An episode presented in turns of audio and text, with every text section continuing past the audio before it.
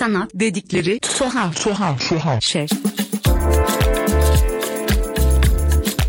Herkese merhaba. Sanat dedikleri tuhaf şeyin ikinci sezonunun 6. bölümüne hoş geldiniz. 2020 yılı hepimiz için sanırım oldukça zor geçti. Dünya için de bu benzer bir haldeydi. 2021'de ise yavaş yavaş o buzların çözüldüğünü, bir şeylerin e, yoluna girmeye başladığını umut ederek devam ettik. Ancak yılın sonu belki de hepimizin çok beklediği gibi olamadığı işler özellikle pandeminin çözülmesi durumunda biraz daha yavaşlamış gibiydi. Bütün bunlar sanki uzun bir yolculukta olmuşçasına, sanki uzun bir yolculuğun parçasıymışçasına benim hafızamda yer eden şeylerdi. Son bir buçuk iki seneye baktığım zaman bir yolun parçalarını, bir sürecin parçalarını daha iyi okur hale geldim. Ve yakın zamanda yaptığım bir şehir dışı yolculukta da aslında yolun ve yolda olmanın neler getirdiğini hatırlama fırsatı buldum. Ve buradan yılın son programında özel bir işten ve bu işin devamından bahsetmek istiyorum. Bugün bir otoyolun anlattıkları üzerine konuşacağım sizinle.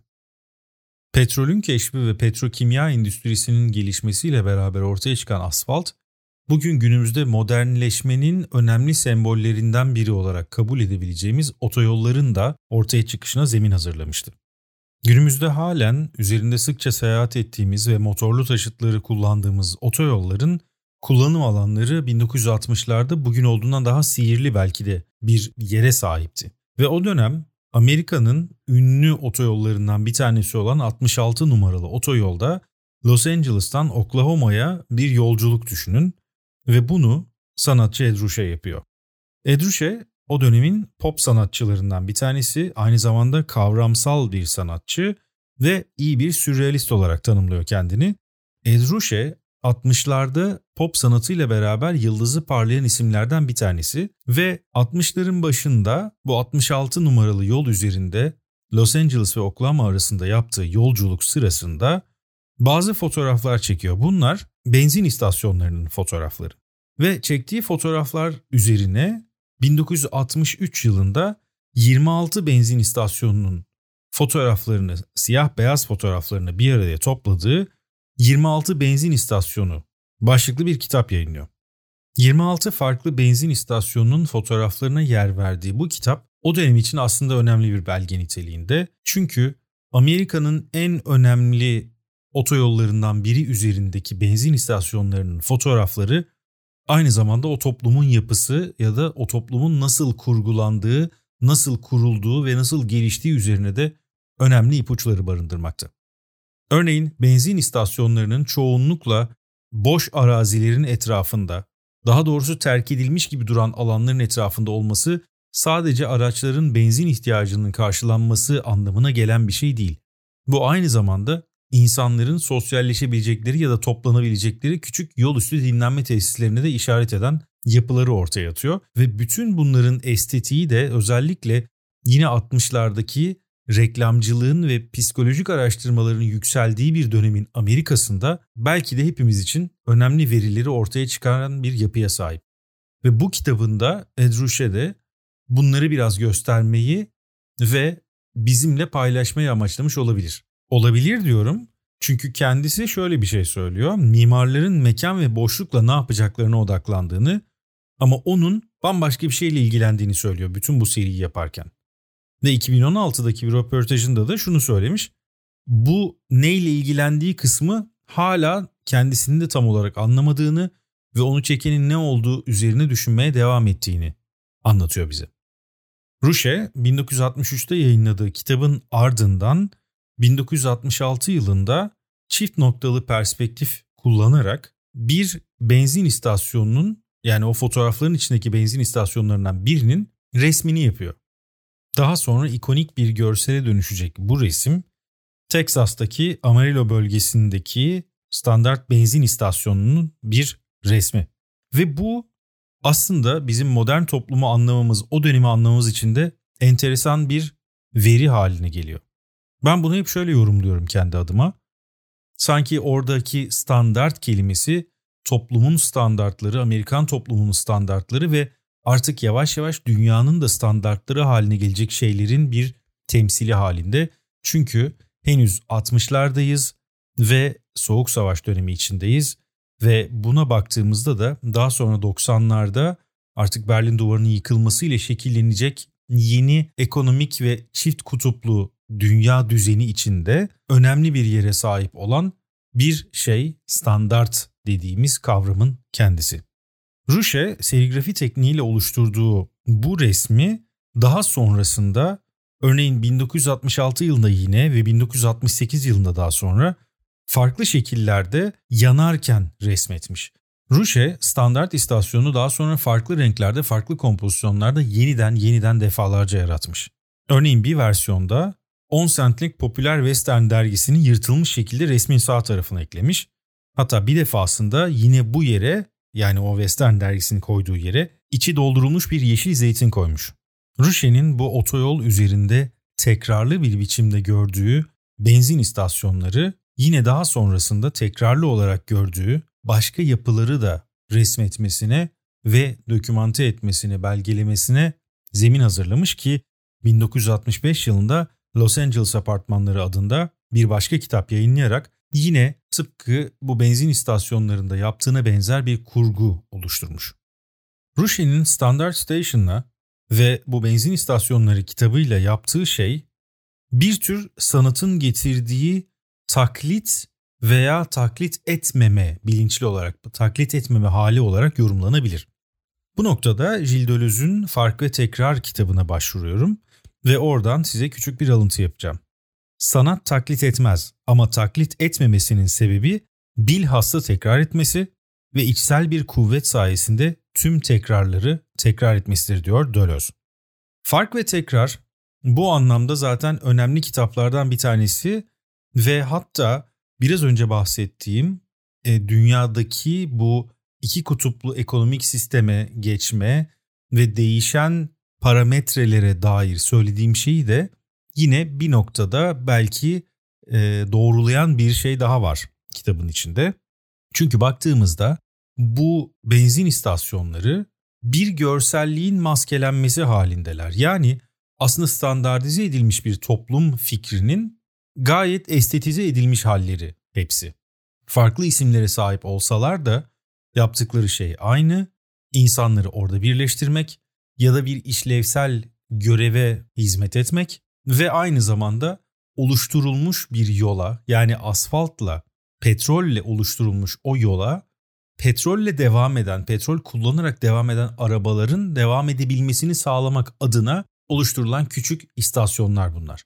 Yani sistemin varlığını devam ettirmek adına oturtulan, konuşlandırılan belli kontrol ya da otorite noktaları olarak da düşünülebilir ama aynı zamanda bunların kültürel ve estetik anlamda da belli karşılıkları var. Deleuze yine fark ve tekrarda şöyle bir şey söylüyor bu defa bize. Maskeler başka maskelerden başka hiçbir şeyi örtmez. Yani buradan baktığımızda bizim standart istasyonuyla gördüğümüz görselliğin resme dökülmüş hali yani Edrushen'in yaptığı şey o maskeleri gizleyen bir başka maskeyi ifşa etmek durumuna doğru gitmeye başlıyor ve bu anlamda o serigrafinin farklı versiyonları da Edrushen'in aklındaki farklı düşünceleri nasıl bize yönlendirdiğine dair bir ipucu verir hale geliyor. Yine buradan hareketle Mark Auger'in yok yerler kavramına da bağlanmak mümkün. Yok yerleri ortaya koyarken aslında bağlantı noktalarını, karşılaşma yerlerini, rastlantısallığın hala geçerli olduğu kalabalık alanları ve orada yaşananları da işin içine katarak bir kavram ortaya atıyor. Bugün yine baktığımızda işte tren istasyonları olabilir, otobüs durakları olabilir, sinemalar, tiyatrolar olabilir. Bu tarz farklı bağlantı noktaları ya da belki bir tramvay durağı ya da bir vapur iskelesi de bunun içine sokulabilir. Bunlar bu yok yerler kavramının içine sokulabilecek ve aslında kültürel anlamda üzerimizde etkisi olan mekanlara örnek olarak gösterilebilir. Ve böyle bakıldığında bir hat üzerine konuşlanmış, inşa edilmiş benzin istasyonlarının da bu rastlantısallığın ve karşılaşmaların uğrak noktalarından bazıları olduğu görülebilir. İçerdikleri işlevsellikle yani benzin doldurma işleviyle de belki de o toplumun şekillenmesinde ve o algının oluşmasında önemli yerler haline geliyorlar. Çünkü insanlar birlikte vakit geçirdikçe, oralarda buluştukça ya da bütün bu görselliğe sürekli maruz kaldıkça ister istemez belki bilinçaltlarında buna doğru bir görsel evrimde ya da algısal evrimde yaşayabilirler. Willem van Reye de Modernleşmenin Paradoksları kitabında şundan bahseder. Yine bu konuyla alakalı olabilecek şekilde. İnsan görünürde fiziki koşullardan bağımsızlaşmıştır. Ama gerçekte kendi teknik araçlarına, başka insanlara ve kendi kendine daha da bağımlı hale gelmiştir. Bu aslında bahsettiği şey Oje'nin yok yerler kavramıyla beraber düşünüldüğü zaman benzin istasyonlarının ve süreç üzerindeki yol üzerindeki benzin istasyonlarının tekrarlı şekilde dizilmesinin bir nedeni olmasının yanı sıra aynı zamanda bir amacı da olduğunu gösteren fikirlerden bir tanesi olarak düşünülebilir. Yani aslında insanın kendi kendine ve kendi yaptıklarına olan bağımlılığını da göz önüne seren örneklerden bir tanesidir. Böylelikle tekrar da aslında bütün bu bahsettiğim yapının önemli yapı taşlarından biri haline geliyor. Soren Kierkegaard, Tekerrür kitabında bu durumdan şöyle bahsetmiş. Tekerrürün diyalektiği kolaydır. Çünkü tekrar edilen var olur. Aksi takdirde tekrar edilemezdi. Ama var olması tekerrürü yeni bir şeye dönüştürür. 60'ların ve 70'lerin Amerikan estetiği olarak gördüğümüz şey de aslında bütün bunların bir birleşimi sonucunda ortaya çıkan algının kendisi olarak düşünülebilir. Yani geniş otoyollar, büyük arabalar, sürekli harcanan benzin, sürekli yenilen büyük yemekler, sürekli gidilen alışveriş merkezleri, her şeyin çok daha renkli, çok daha albenili olması ve zekice hazırlanmış reklamlar. İşte belki de Ruşe'nin ortaya koymaya çalıştığı estetik fikri ya da sonra üzerinde oynadığı, ona zaman zaman karşı çıktığı, onunla dalga geçtiği fikir buydu. Ancak Ruşe'nin yaptığı şeyler daha sonrasında yeni sanat eserlerine de hayat verdi. Bunlar aynı zamanda bir tekerrürü de canlı tuttular fakat kendi fikirlerini de ortaya atmaya başladılar ve bizim düşünce yapımızı şekillendirmek adına yeni perspektifler sunabilecek yolları oluşturdular. Örneğin Tom Sowden, M4 karayolu üzerindeki 49 otobüs koltuğu adlı işinde Londra-Bristol arasındaki yolculuk sırasında kullanılan otobüslerin koltuklarını fotoğraflıyor ve bunları Rushe'nin kitabındaki estetiğe benzer bir estetikle ortaya koyuyor. Elbette Sowden'ın bunu yapması sadece daha önceki işin bir farklı versiyonu olmakla kalmamış, aynı zamanda 2003 yılında kullanılan otobüslere, o otobüslerin koltuklarındaki desenlere ve o otobüslerin koltukları nasıl kullanılına dair ipuçları vererek o günün toplumunda o çerçeve yani Londra Bristol arasında sıkıştırılmış çerçevede nelerin olduğunu anlamak adına görebileceğimiz ve oradan sonuçlar çıkarabileceğimiz bir araştırma evrenini de aslında bize sunmuş oluyor. Konuya buradan bakıldığında Sowden'ın ortaya koyduğu perspektif Rushe'nin perspektifiyle nasıl birleşiyor ve nerelerde ayrılıyor artık bu biraz izleyicinin de refleksine ve düşünme pratiğine kalmış durumda. 2004 yılında ise Jan Serandur'un 36 itfaiye istasyonu adlı bir çalışması var. Bu Montreal'de çalışan itfaiye istasyonlarının yine aynı estetikle fotoğraflanması üzerine oluşturulmuş bir seri. Ancak burada işin içine bir başka perspektif, bir başka bakış açısı da girmiş durumda. Çünkü biliyoruz ki Rouché'nin benzin istasyonları benzin, yanıcılık ve uçuculuk üzerinden bir toplum eleştirisi olarak okunabilir.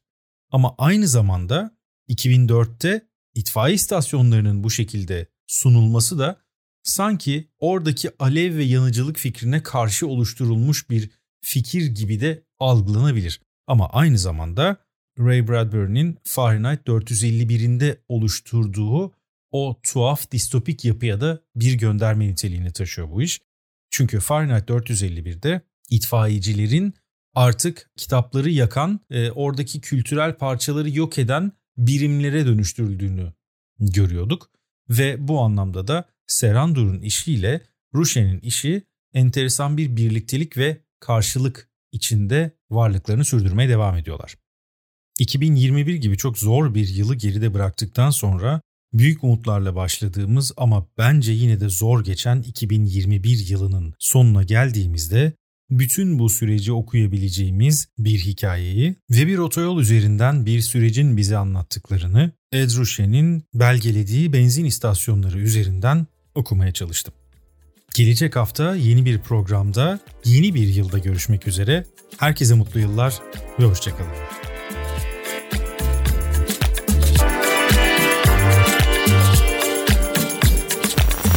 Tuhaf, tuhaf, tuhaf, tuhaf, tuhaf.